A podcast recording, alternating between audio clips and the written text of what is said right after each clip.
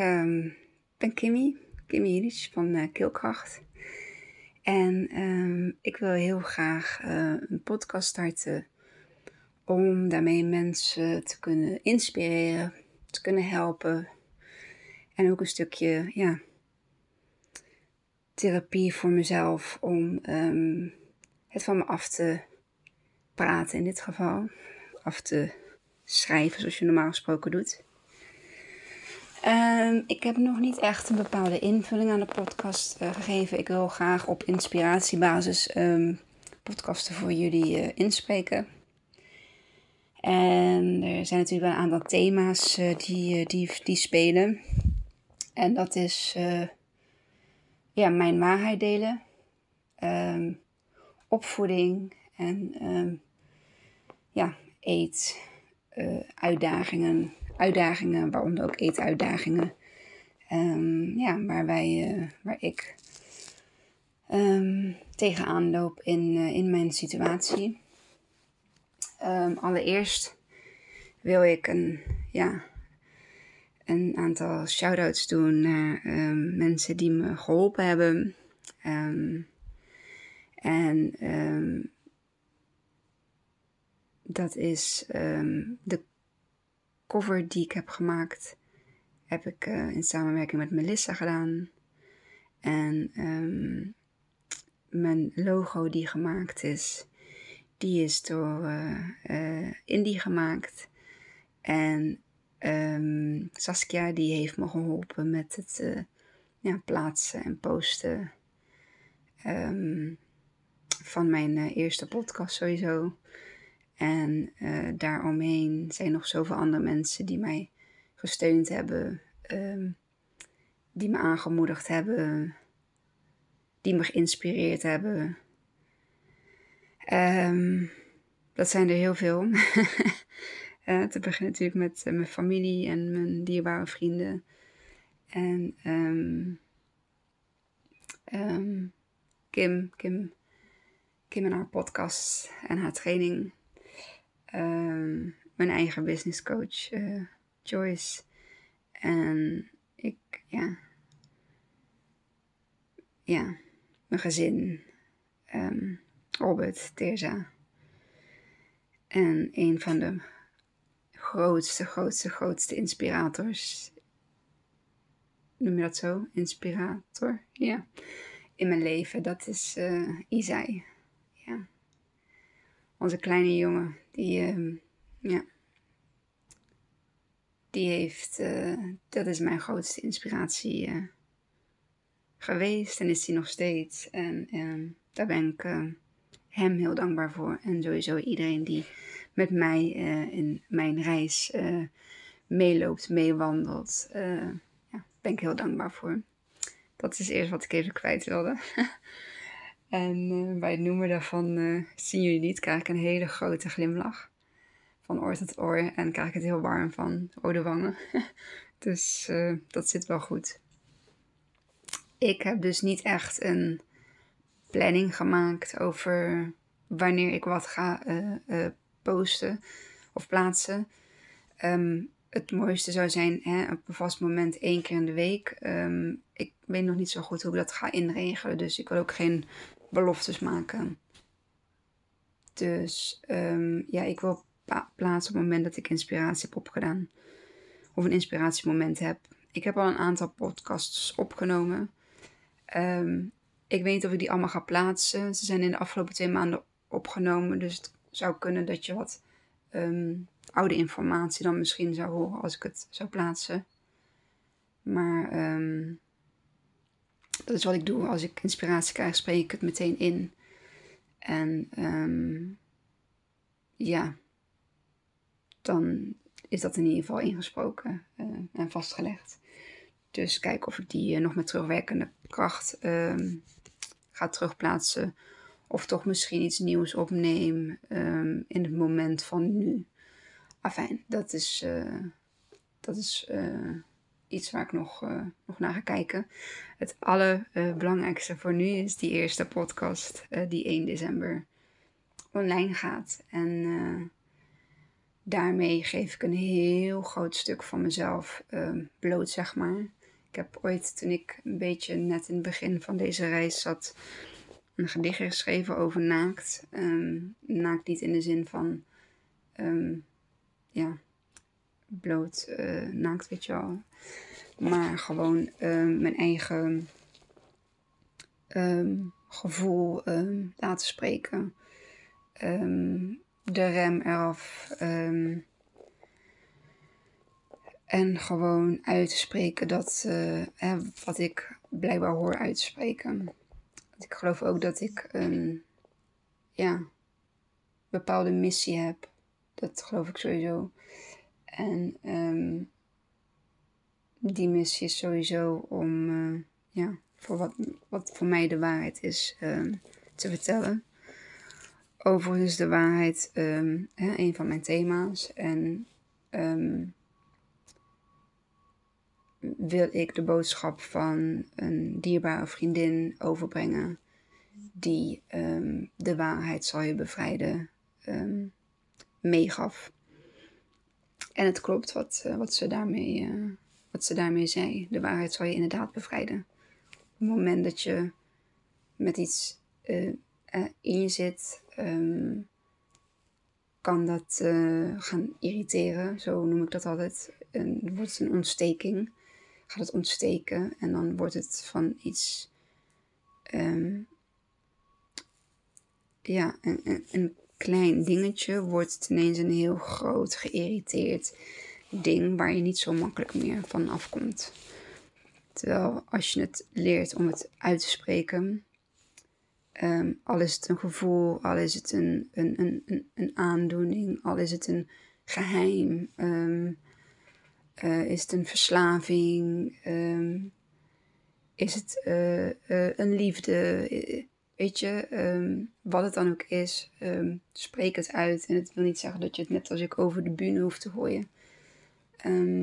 maar spreek het uit naar iemand of naar je voice recorder op je telefoon. En luister daarna af. of vertel tegen een therapeut of tegen een coach of tegen een goede vriendin of ja, tegen je vader of moeder, je zus, broer. Maar spreek het uit en um, dat gaat echt bevrijden. Dat is iets uh, wat ik zelf heb ondervonden door mijn meningen niet meer voor me te houden, door mijn gevoel niet meer weg te stoppen, um, door mijn verhaal te gaan delen met jullie. Um, ja, een kwetsbaar stukje. Ik zie het niet als uh, mijn vuile was buiten hangen, want het is gewoon een deel van mij. En ik probeer het ook zo te houden hè, dat ik daar geen andere mensen mee ga benadelen. Want dat is niet het doel van uh, mijn podcast uitbrengen. Het doel van mijn podcast uitbrengen is, wat ik al zei, ik wil mensen helpen, ik wil mensen inspireren. En um, ik wil er zelf graag vanaf. dus dat. Um, ik heb zitten bedenken hoe ik dit precies ga doen. Om het helemaal chronologisch te houden. Dat zou betekenen dat ik een heel levensverhaal in. Uh, ik heb ongeveer aangehouden een half uurtje ongeveer per podcast. Mijn hele levensverhaal in, in 30 minuten vertellen, dat, dat gaat niet. En ja, is het behoefte aan mijn hele levensverhaal? Nee. Ik wil graag wat uh, highlights meenemen. En ik begin nu gewoon uh, bij het eerste. En dan in een volgende podcast komt wel weer de volgende zo'n beetje wat ik, nou ja, goed, het, het, begin zeg maar, de eerste jaren van mijn leven, die um, ga ik een beetje, probeer ik zo opbouwend te doen. Ik uh, zie wel wat voor volgorde het krijgt. Nu wil ik beginnen bij ik, Kimmy, op dit moment 38 jaar jong en geboren in juli 82 um, in Etteleur bij uh, mijn vader en mijn moeder. Mijn vader komt uit Servië en mijn moeder is Nederlands. En even kijken, ik heb een zus um, die 4,5 jaar ouder is. Ik heb een zusje die 2,5 jaar jonger is. Ik heb een zusje die 9 jaar jonger is. En ik heb een broertje die 16 jaar jonger is. Um, grote familie dus, altijd full house geweest. Uh, niet allemaal bij elkaar in huis gewoond. Want dat, nou ja, mijn oudste zus en mijn jongste en mijn, jongste, en mijn broertje, die uh, schelen volgens mij iets van 20 jaar of zo. Dus dat, uh, die hebben dan niet bij elkaar gewoond. maar even terug naar mij. Ik werd geboren, het teleur. Nou, ik herinner me niet zo heel veel meer van mijn jeugd. dat, ja, ik, kan wel foto's terugkijken, maar de momenten zelf beleef ik niet. Um, hoe dat is gekomen, dat, dat, dat, durf ik niet zo goed te zeggen. Ik weet ook niet of ik daar per se een oorzaak aan moet uh, wijden. Maar um, ik ga gewoon even vooruit naar. Um, ik weet nog wel waar ik woonde. In Atelier. In, uh, in welke wijk en hoe mijn school eruit zag. En ik kan me nog één knutselavondmiddag herinneren. Waarin we paddenstoeltjes maakte van ei en tomaat in, in het thema herfst. Dus de kleuterschool heb ik in Etteleur gedaan. Toen zijn we op mijn zesde zijn we naar Breda verhuisd, naar Haagse Beemde. En daar woon ik nu nog steeds in Haagse Beemde. Of in ieder geval alweer in Haagse Beemde. Van mijn zesde tot mijn achttiende daar gewoond. Bij mijn ouders thuis. En um, toen ik een jaar of 7, 8 was, ja, ik praat over nu, denk jaren 89, 88, 89. Oh ja, in 88 zijn we verhuisd en volgens mij in 89, 90 zijn we op vakantie gegaan naar um, toen voormalig Joegoslavië. Wij zijn uh, met de auto gegaan, met z'n vijfjes. Dus mijn vader, moeder, mijn zus en ik en mijn zusje. En de eerste nacht, um, of in ieder geval in een nacht van de reis, waarin mijn vader even wilde rusten, dus even wilde slapen, um, zijn wij overvallen in onze slaap. Um, ik vertel je nu mijn versie van het uh, verhaal, de manier waarop ik hem heb beleefd. Um, wij um, werden ja, wakker geschud eigenlijk en uit de auto meegenomen. weggebracht naar een plekje. En de auto werd uh, inmiddels uh, leeggehaald.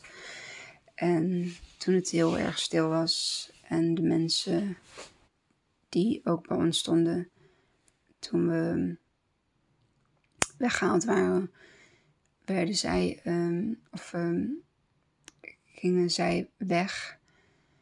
En toen ging het, um, ja, er was uh, ineens politie denk dat. Um, ik weet dus vanaf het moment dat. Ja, het is heel lastig voor mij om dit uh, uit te leggen. Ik heb dit uh, met EMDR wel uh, in mijn hoofd opnieuw beleefd, diverse malen. Om um, dat vanuit dit stukje een, een, overlevingsmechanisme bij mij is ontwikkeld. Waardoor ik eigenlijk altijd in stress en spanning heb um, kunnen functioneren. Um, maar dat uh, ja, red je niet je hele leven lang. Dus dan ga je op een gegeven moment tegen dingen aanlopen. En dit is wel het voornaamste stukje geweest. Een, ja, een stukje veiligheid, een stukje. Um, ja, eigenlijk wel veiligheid uh, hè, die uh, compleet um, ja, ontnomen is door zo'n uh, door zo'n gebeurtenis. Dus een traumatische gebeurtenis ook. Um, nou, met de eerste hulp geschoten. Wij um, zijn toen goed opgevangen door familie. We waren onderweg eigenlijk om een weekje naar zee te gaan in Kroatië. Het was op de Bosnisch-Kroatische grens. En um, we zijn goed opgevangen door de familie van mijn vader. Ik heb een superleuke vakantie daarna gehad. Ondanks dat we geen spulletjes meer hadden. Um, ja, weet je, werd er toch een zwembroekje ge gekocht. En konden we toch mee naar hele mooie zwemplekken. Um, in mooie beekjes en riviertjes. En uh, hebben we echt een hele fijne tijd gehad met mijn nichtjes en neefjes. Ook familie uit Nederland die op dat moment ook daar was. Dus uh, ja, ik heb de vakantie verder als heel fijn ervaren. Um, wat alleen is gebeurd, ik, ehm, er is daarna het, het ongeval, zeg maar, of de situatie of de, de, de, overval is nooit meer besproken. En ehm, daardoor denk ik dat uh, iedereen daar zijn eigen versie van heeft gemaakt. En um, kan ik me ook gewoon bijna niet voorstellen hoe dit voor mijn ouders is geweest om dit mee te maken op een volwassen leeftijd uh, met drie kinderen. Dat zal. Um, dat moet heel zwaar zijn. Um, dus dat het is, het, het is het ja, eerste stukje trauma wat, uh, ja, wat ik heb meegemaakt. En uh, waar ik nu echt oké mee ben. Wat ik een, een mooie plek heb kunnen geven bij de EMDR-therapie.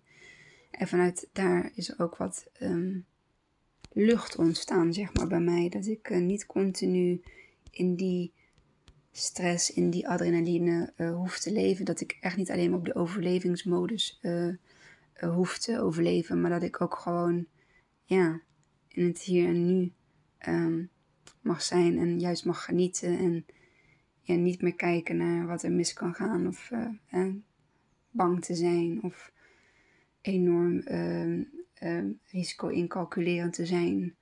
Nee, het gewoon, ja, het, het mogen en het laten er zijn. Of het laten zijn. Um, dat was een eerste stukje. Nou, dus verder heb ik een, ja, gewoon oké jeugd gehad. Wel wat uh, traditioneler. Mijn vader is best wel uh, traditioneel, ouderwets. Om het maar zo te noemen. En, uh, maar goed, weet je, ik denk ook gewoon, je neemt mee wat je, wat je zelf hebt meegekregen. En um, ik besef me wel dat ik dat in dat stukje wel anders doe dan dat ik het heb meegekregen. En eh, dat ik het uh, op echt mijn manier doe. En um, dat is ook een hele ontwikkeling geweest. Daarvoor moest ik ook echt moeder worden om dat, om dat in te kunnen zien. Dus ook het, het, de ja, reis en de ervaring en de ontwikkeling naar moeder toe en moeder zijn. En um, ja, dat is allemaal heel positief voor mij geweest. Ik uh, ben van, ik was een hele erge perfectionist. Een controlfreak. Um, als dat allemaal maar goed was, dan was het oké. En dat, uh, ja, heeft zich in heel, heel veel verschillende soorten dingen, heeft zich dat uh, geuit. En ben ik daar ook mezelf bewust van geworden. Dat dat, dat ja, hou je een tijd vol, maar niet 38 ehm, jaar lang. Dus, um, nou, ik heb een uh, oké uh, basisschooltijd ook gehad. Ja, groep 8 wel wat uh, dingetjes met pesten en zo. Ik ben een periode gepest. En nou ja, misschien dat dat wel een van de onzekere momenten was. Was niet leuk, maar ik geloof niet dat ik daar een trauma aan heb overgehouden. Toen ging ik naar de middelbare school, was ik 12. Ja, en daar heb ik de tijd van mijn leven gehad. Ik kreeg daar ook echt mijn eerste echte vriendje. En um, um, daar heb ik een jaar en twee maanden of zo verkering mee gehad. En het ging toen uit. En het was, dat was echt voor mij het einde van de wereld. Dat kon ik niet handelen. Dat was oh, vreselijk. Dat is echt heartbreak. Dat weet je wel, die, die echte, ja, echte hartpijn, zeg maar. Hartverscheurend gewoon. Uh, van hoe kan hij mij nou ja, echt. Uh, ja, daar, heb ik wel heel veel pijn en verdriet uh, aan gehad. En het uh, triggerde iets in mij. Um, toch wel onzekerheid. wat totaal niet bij de ander lag, maar totaal aan mij lag. Hij kreeg een nieuw vriendinnetje, die was model. Dus ehm, ja, dat raakte mij. Ik voelde me niet goed genoeg, niet Um, vooral dat, niet goed genoeg. Um, dus daar startte iets met eten, zeg maar, uh, in mij. Ik ging heel weinig eten. Ik viel af. Ik was al niet stevig, maar toen was ik nog minder ehm, vol. Ik denk dat ik nog verzoop in mijn ehm, jurk, in mijn uh, eindexamenjurk, maat 34. Ik was toen bijna 16, ja 15. En dat viel op bij mijn ouders, die hebben gezegd: Je gaat nu eten of we gaan naar de dokter. Ja, dat vond ik toch wel heel serieus op dat moment. Dus ik besloot om eieren voor mijn geld te kiezen. En ik ging, ja, gewoon tussen aanhalingstekens weer eten. Ik, uh, ik was daar verder gewoon niet. Ja, dat, dat, dat, dat lukte gewoon. Dus ik. Is alleen, ik wil even ja, teruggaan naar, het, uh, naar, naar mij, zeg maar. Um, over mijn band met, uh, met eten. Want dat hoort bij mijn verhaal. Nou, een paar jaar um, gewoon oké um, geweest ook met eten. Ik kon alles eten wat ik wilde. Ik ging met mijn vriendin naar school. Ging ik naar de Burger King en dan nam een dubbele wopper of een King, Big King. Of, en op school broodjes, worstenbroodjes, uh, frietjes. Het kon appelflap. Het kon, zo, het kon zo gek niet. Ik kon alles eten wat ik wilde.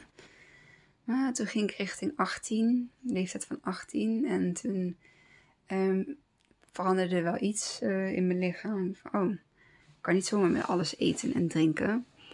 Maar uh, goed. Toen kreeg ik een nieuwe relatie. Met uh, ja, 3,5 jaar heeft die relatie geduurd. En die was eigenlijk een beetje ja, toxic. Ook in die relatie cijferde ik uh, mezelf vooral weg. En deed ik vooral gewoon ja, wat verwacht werd en wat hoorde. En totaal niet wie ik eigenlijk ben. Maar ik was 18 en we gingen samenwonen. En het is een ervaring en het heeft zo moeten zijn. Ook daarin um, er ligt totaal de verantwoordelijkheid bij mezelf. Ik, um, ik, ging de andere kant op met eten, dus um, de ja, het niet fijn voelen, het niet fijn zijn, dat uh, uh, resulteerde in uh, heel veel eten. Ook midden in de nacht eten. Op een gegeven moment was ik ook een halfjaartje had ik geen baan. Dus ik um, was voornamelijk gewoon thuis en het was dan flink, flink eten eigenlijk. En ja, meer de hele dag niet. Um, die relatie die ging ook uit. Vond ik ook heel, heel erg. Was ook niet mijn eigen keus geweest. Dus de ja, tweede keer, zeg maar, een soort van dat ik verlaten werd. Om even zwaar te benoemen. En um, ook deze jongen die kreeg een nieuwe relatie. En hey, guess what? Ook zij was model. ja, dat, uh, denk ik van uh, oké, het zal. Maar vanwege het, uh, het, het, uitgaan en het. Um, ja, de stress ervan en alles. Ging het eigenlijk een beetje hetzelfde als bij de eerste relatie die uitging. Um, ik kon weer weinig eten, knoop op mijn maag. En ik was weer, zeg maar, daarna terug op mijn oude gewicht in een bepaalde tijd. Afijn. Toen heb ik een aantal jaren um, ja, een hele goede band gehad uh, met eten. Keek er niet zo nauw naar. Ik had gewoon weer ja, waar ik trek in had en uh, niet. En wat ik lekker vond. En uh, ben toen een halfjaartje terug bij mijn ouders gaan wonen. Toen ging ik weer samenwonen met een, met een vriendin toen. En toen kreeg ik een nieuwe relatie. Die was op afstand. En in deze relatie was vooral hij ook heel erg ijdel en met afval, of tenminste niet afvallen, op, op, gezond blijven en goed uh, sporten en um, hardlopen en dingen die mij op dat moment totaal niet boeiden. Ehm, nou, was 2,5 jaar en toen was het ook niet, ja, niet hetgeen wat bij me paste ik denk van na 2,5 jaar, als je dan nog steeds hè, die erge behoefte hebt om elkaar te zien en om elkaar op te zoeken, dan is het goed. Maar bij mij was het meer van, oh ja, ik begin het tegenop te zien. En dat is dan wel een punt om mezelf te raden te gaan van, uh, joh, uh, dus dat is de uh, relatie die ik dan heb uitgemaakt. Um, het leek wel alsof ik toch niet altijd helemaal goed alleen wilde zijn. En toch nog steeds wel op zoek was naar die waren. Um, nog iets, ja, geprobeerd en het lukte ook niet. En ja, ik wilde eigenlijk gewoon voornamelijk lekker stappen. Nergens naar omkijken meer en niet meer aan te passen of uh, aan iemand. En um, toen ik op dat moment was, um, kwam daar Robert in mijn leven. op het moment dat ik eigenlijk helemaal klaar mee was, um, ja, ik kende hem al wel eerder, want ik had hem ook ontmoet toen ik nog met uh, uh, de uh, lange afstands, eh, in de lange afstandsrelatie zat. En ik weet nog dat hij mij voor gek verklaarde. Ehm, ga je, wat ga je nou met iemand in, in het buitenland een, een relatie nemen? Dat snapte hij echt niet. nou, ik op dat moment wel. En achteraf, inderdaad, nee zo moet ik het niet zeggen. Ik heb een hele leuke tijd gehad. En het was ook heel leuk om elkaar op te zoeken en heen en weer te vliegen. Alleen ja, het werkt wel of het werkt niet. En in ons geval werkte het gewoon niet. Dus um, kwam ik in mei 2007 kwam ik Robert weer tegen op een feestje. En uh, hij vroeg, hoe is met je vriend in, uh, in het buitenland? Ja, goed, zei ik. Nee, natuurlijk niet goed. Het is uitgegaan in uh, januari. En hij keek me aan en hij dacht, oh.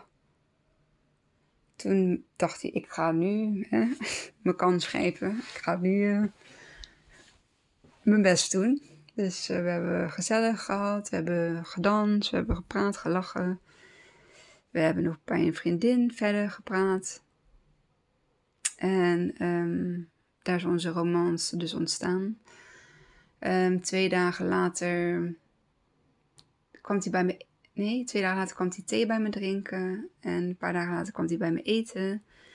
En weer een tijd later, nou, ik denk dat ik het over een tijdbestek heb van twee weken, kwam hij uh, bij me logeren. En kort daarna kwamen de kleding, kwam de kleding, de coolbox voor het werk. En ja, woonden we.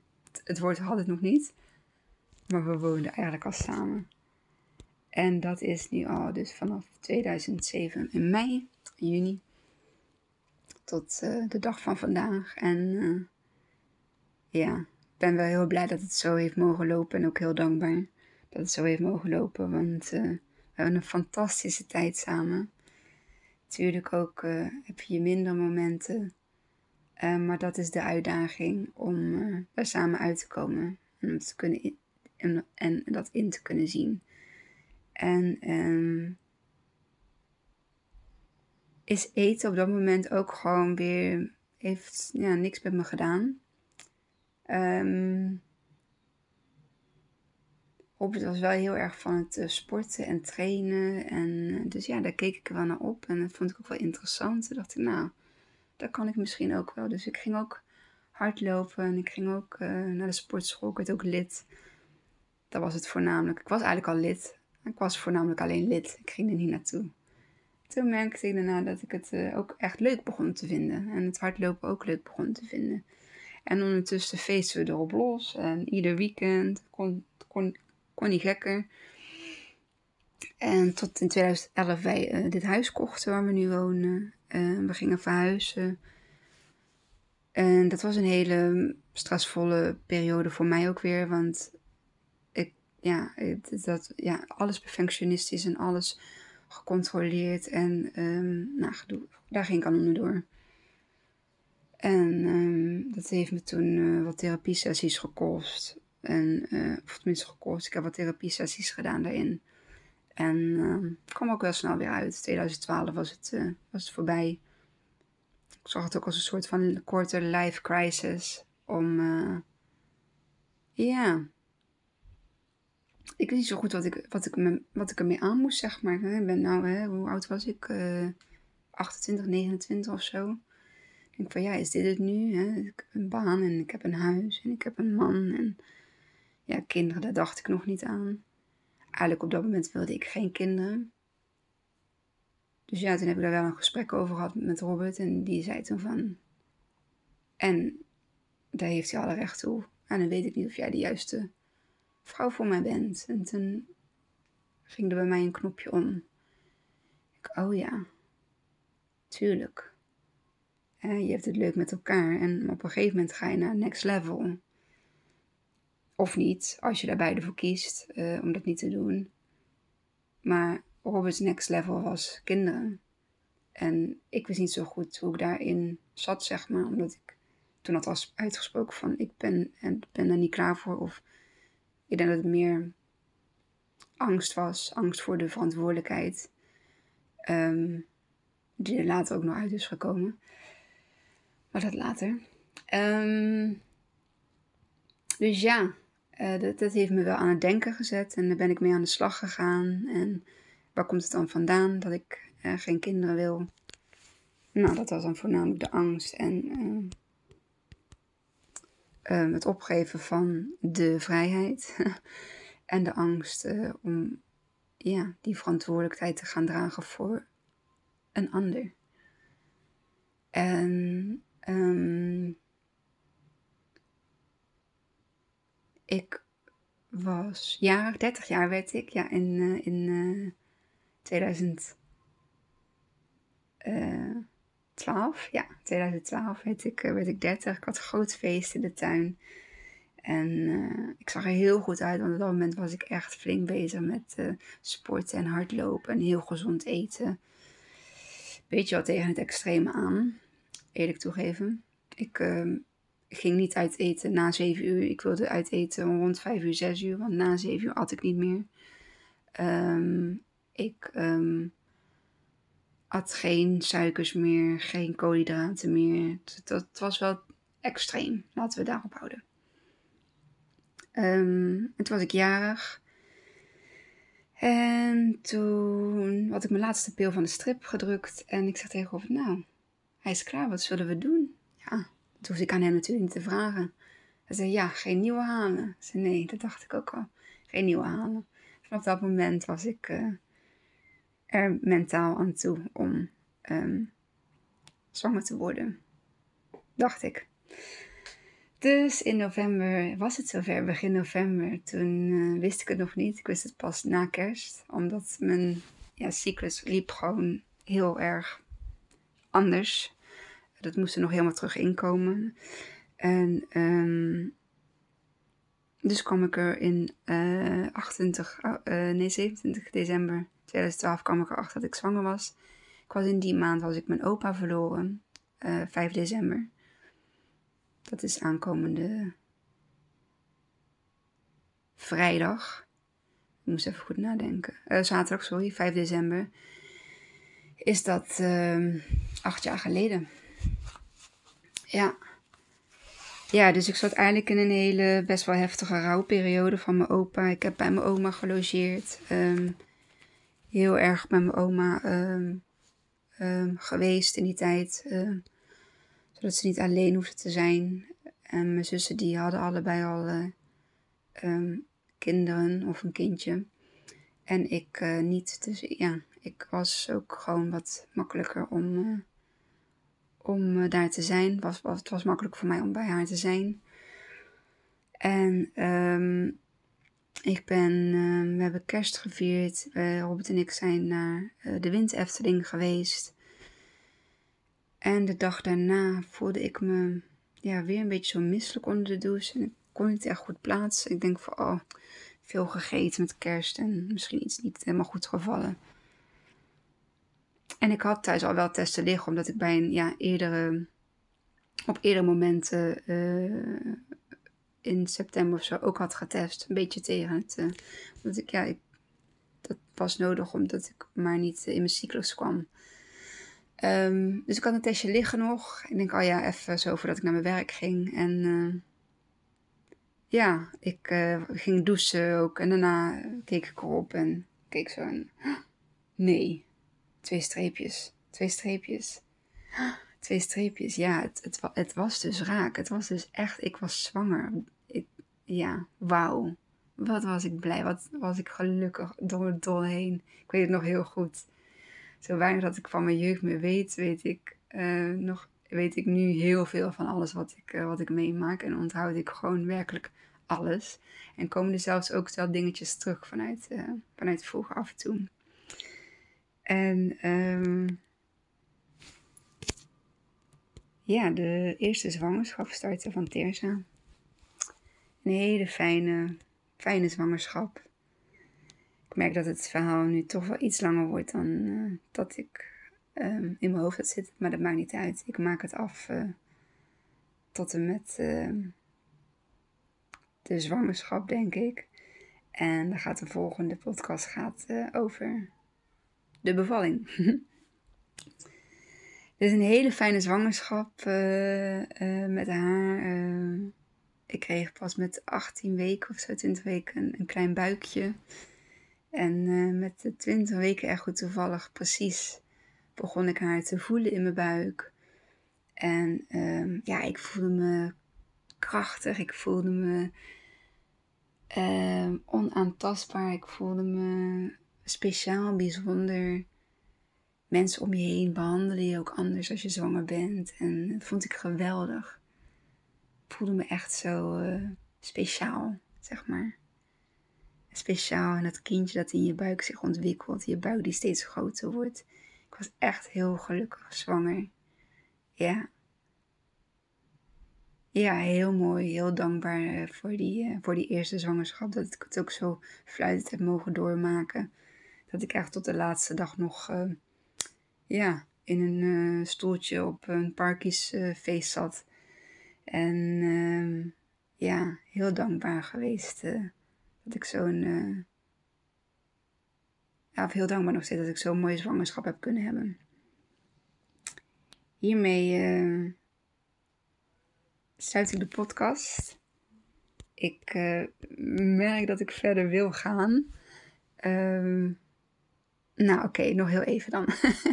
dan ga ik de bevalling nog even, even meenemen. Um, de bevalling startte. Ik was thuis. Ik was net onderweg naar Parkes. Ik wilde net weggaan. Mijn vriendin was die dag jarig. Die is 13 augustus jaar. Teersa is 14 augustus geboren. En het begon, uh, nou ja, het begon hè, te zijpelen. Ik denk, oh jee, ik moet naar de wc. Ja, ook niet. Dat was, was, was heel langzaam. Ik heb Robert gebeld. Ik heb uh, de verloskundige gebeld om te kijken wat ik moest doen. Robert kwam naar huis. Ik heb hem met een smoes mijn vriendin afgebeld. En ik ben de bank opgegaan en zitten wachten en chillen tot, ja, tot het ging beginnen. En het kan blijkbaar nog best wel lang duren. Bij je begon s'avonds al wel om de vijf minuten weeën. Dus ja, ik heb een nachtje niet uh, geslapen. Ik heb Robert wel laten slapen. Omdat ik dacht van ja, hij kan er niet zo heel veel voor me doen. En ik vond het wel heel spannend. Ik vond het spannend om de weeën te krijgen. Ik, um, en de ontsluiting vorderde niet. Ik denk dat dat een puntje van spanning was. Um, ja, dat ik gewoon bang was om, voor de bevalling. Um, dus de ontsluiting vorderde niet. Uh, de, ik werd regelmatig door de verloskundige gecontroleerd. En op een gegeven moment was ik ook gewoon heel moe. En ik zei, hoe lang gaat het nog duren? Ja, dat weten we niet. Ik zei, ja, als jullie het niet weten, dan wil ik naar het ziekenhuis. En dan wil ik een ruggenprik. Want als dit misschien nog, nog 24 uur gaat duren, ja, dan ben ik straks um, uitgeput. En um, dus ik werd overgedragen aan het ziekenhuis. En in het ziekenhuis uh, hebben ze mij een uh, ruggenprik gegeven. En weeën opwekkers. En um, er kwamen wel weeën, alleen de ontsluiting vorderde nog steeds niet. Dus ik grapte nu wel eens mee uh, tegen, jij wilde gewoon niet door de moeilijke poort. En uh, uiteindelijk is het ook gewoon prima. Zo, het was niet wat ik voor ogen had. Dus je kunt je voorstellen dat het voor mij op dat moment een grote teleurstelling was. Maar omwille van de gezondheid van Terza moesten we een keizersnede uitvoeren. En daar kwam zij uh, op 14 augustus om half zeven. Of vijf voor half zeven, vijf over half zeven s'avonds uh, kwam zij daar ter wereld. En uh, ja, magisch. Dan ze is wel um, even bij me weg geweest. En um, vanwege de controles, de APCAR-score. En ehm, mijn schoonmoeder die heeft haar opgevangen. En ik ben ja, naar de uitslaapkamer denk ik gegaan. En ik miste haar wel. Ik, ik, ik was de buik kwijt en ik kon in mijn mentaal niet zo heel goed um, voorstellen wat er, wat er gebeurd is. Ehm, en ik had mijn kindje niet bij me. Dus um, dat is denk ik een puntje wel wat ze in het ziekenhuis uh, nu inmiddels verbeterd hebben. Dat kinderen en moeders niet meer gescheiden worden van elkaar. Ook niet na een keizersnede. Nou, toen kwam ze daar uiteindelijk en ik wilde heel graag borstvoeding geven. Dus dat, uh, daar heb ik alles op alles op gezet. Alleen in verband met de keizersnede en de ruggenprik uh, ja, heeft dat, vordert dat niet zo snel als bij een, een, een, andere bevalling. Um, ja, ze was er en toen werd ik heel bang. Eigenlijk hetgeen wat ik me van tevoren wat, ik, wat mij weerhield van om kinderen te krijgen, dat sloeg toen in als een bom. Ik ben bang, ik kan niet voor haar zorgen. Hoe ga ik die verantwoordelijkheid nemen? Ben ik wel een goede moeder? Doe ik het wel goed? Uh, ineens kwam het perfectionistisch en het controlfreakachtige kwam weer naar boven. En is echt een heel makkelijk meisje. Uh, als baby zijnde. Ze ging echt gewoon mee in de flow. En um, ik denk zelfs dat ik bij haar ook wat eerder terug was in die flow dan met uh, Isai. Mm. Maar het was wel heel erg wennen en mensen praten over een roze wolk en ik zag eigenlijk alleen maar grijs. Regen, of donderslagen. En um, ik genoot wel van het zijn met haar. Alleen dat ik haar ja, niet goed wist wat, wat ze nodig had. Uh, dat ik dat niet kon herkennen, dat ik haar huiltjes niet kon herkennen. Um, dat vooral alles volgens het boekje werd gedaan. Dat, dat wijst wel heel erg op ontzettende onzekerheid bij mij. En um, ja, daarmee maakte dat mijn uh, eerste maanden als moeder niet de meest fijne periode die ik heb mogen ervaren. Maar het is een. Um, ik heb het wel uitgesproken, gelukkig. Dus um, was ik echt bij mijn zus van hoe doen jullie dit zo met twee kinderen allebei en hoe dan? En ja, heel, uh, heel, heel gek was dat voor mij, heel anders. Uh, ik beleefde dat heel anders dan zeg maar door de buitenwereld. Uh, um, ja, werd laten dat ze dat zo lieten zien. Dat ik dacht van dan gaat er bij mij ergens iets niet goed als ik me zo niet voel. En nu blijkt achteraf dat ik daarin dus niet de enige ben geweest. Alleen op het moment dat niemand dat uitspreekt, is het, is het er ook niet. En dat is weer een van de stukjes van waarheid, zeg maar, die ik uh, heb geuit. En waardoor ik dat zo snel uitte, kon ik dat ook veel sneller weer um, ja, een plekje geven of shiften of um, nou goed, ermee omgaan. En het is ook naarmate de babytjes um, wat ouder worden en je wat beter op elkaar bent in, um, ja, ingespeeld. Um, dat je wat beter elkaar kunt begrijpen. Of ik beter hè, tegen kon begrijpen. Merkte ik dat het, uh, dat het al veel beter ging. Toen ik uh, van mijn verlof weer aan het werk moest, dat was niet een hele fijne periode. Het was, ik moest ineens in Eindhoven aan het werk gaan in plaats van Breda. Ik wist wel dat dat eraan zat te komen, maar op het moment dat het dan ook echt zover is, um, heb ik het niet echt als fijn ervaren. Het was heel veel stress en kolven en vroeg op. Ik stond om vijf uur op.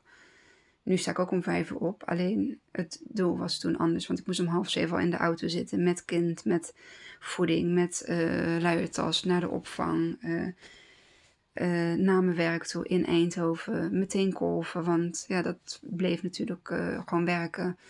En um, ja, totaal niet mijn ding. Gewoon, ik, ik was meer aan het overleven dan aan het leven. En, en s'avonds ook dan hè, kwam je thuis en dan ophalen en aan het eten. Nee, ik heb dat als uh, niet zo heel fijn ervaren. Gelukkig was Robert dan in de winter thuis.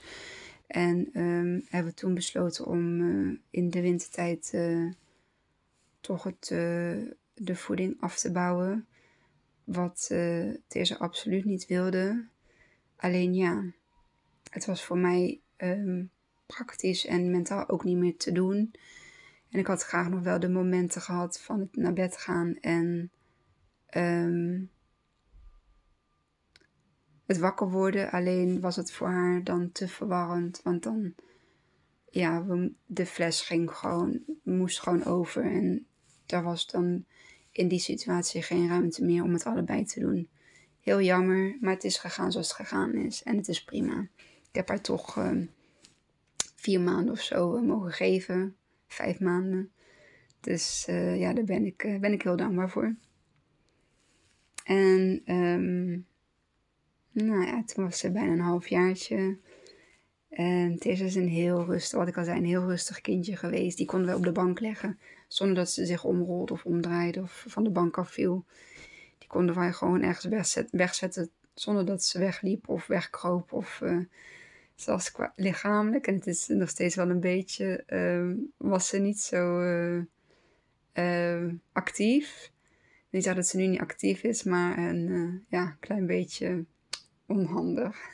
Was ik ook vroeger. Ben ik trouwens ook niet meer. Dus weet je, dat is gewoon een, een waarheid. die je gewoon kunt, uh, kunt omdraaien. Maar het is wel heel mooi dat het uh, zich wel een soort van door, doorloopt. Ehm, ja, die kon je dus gewoon wegleggen. Die draaide gewoon niet. Die, kon je, die moest oefenen met haar nekje, zeg maar, om dat, die nekspiertjes sterker te maken. Ja, die, die, ehm, die stikte volgens mij liever, nog, liever in het aankleedkussen dat, dat, dat ze de hoofdje omhoog moest houden. Dus ja, wij hebben het altijd maar gewoon gelaten. Um, en dan kom je bij het consultatiebureau, moet je, en kan ze dit dan, kan ze dat dan? En, uh, nee, nee, nee. Oh ja, als ze dat uh, de volgende keer, of, dan moeten misschien toch een fysiotherapeut. Nou ja, de eerste volgende keer dat ik daar terugkwam, kon ze natuurlijk alles, ook al kon ze dat niet. maar uh, ja, fysio zag ik gewoon niet het nut van in. Ik denk ja, zeven, acht maanden fysio, hoezo dan? En uiteindelijk blijkt nu dat ze gewoon ook alles, ze kon alles al wel, ze had er gewoon geen zin in. En dat is Teerza. Dat is heel mooi hoe zij uh, zich ontwikkelt. Als Teerza geen zin heeft, dan doet ze het ook gewoon niet. En dat is ook heel sterk van, van Robert. Als Robert iets niet wil, dan doet hij het ook gewoon niet. En ik heb altijd gedaan wat van me verwacht werd. Dus snap je de, het contrast daarin. Um, dus ik ben eh, heel blij dat uh, Teerza niet deed wat van de verwacht werd. Want dat maakt haar tot nu een, uh, echt een hele leuke, sterke meid van zeven jaar. Die geen blad voor de mond heeft, die doet waar ze zin in heeft. En dat is niet altijd leuk als ik iets van haar verwacht, of Robert iets van haar verwacht. Maar dan denk ik van ja, het is wel wie ze is. En natuurlijk hebben we nog wel bepaalde grenzen. Sommige dingen die moeten echt gewoon gebeuren. Want ja, uh, kamer opruimen is je eigen verantwoordelijkheid. En uh, dat moet ook echt gebeuren.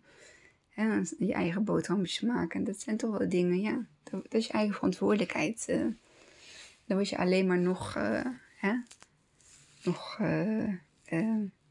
ja, groeien en ontwikkel je nog meer van.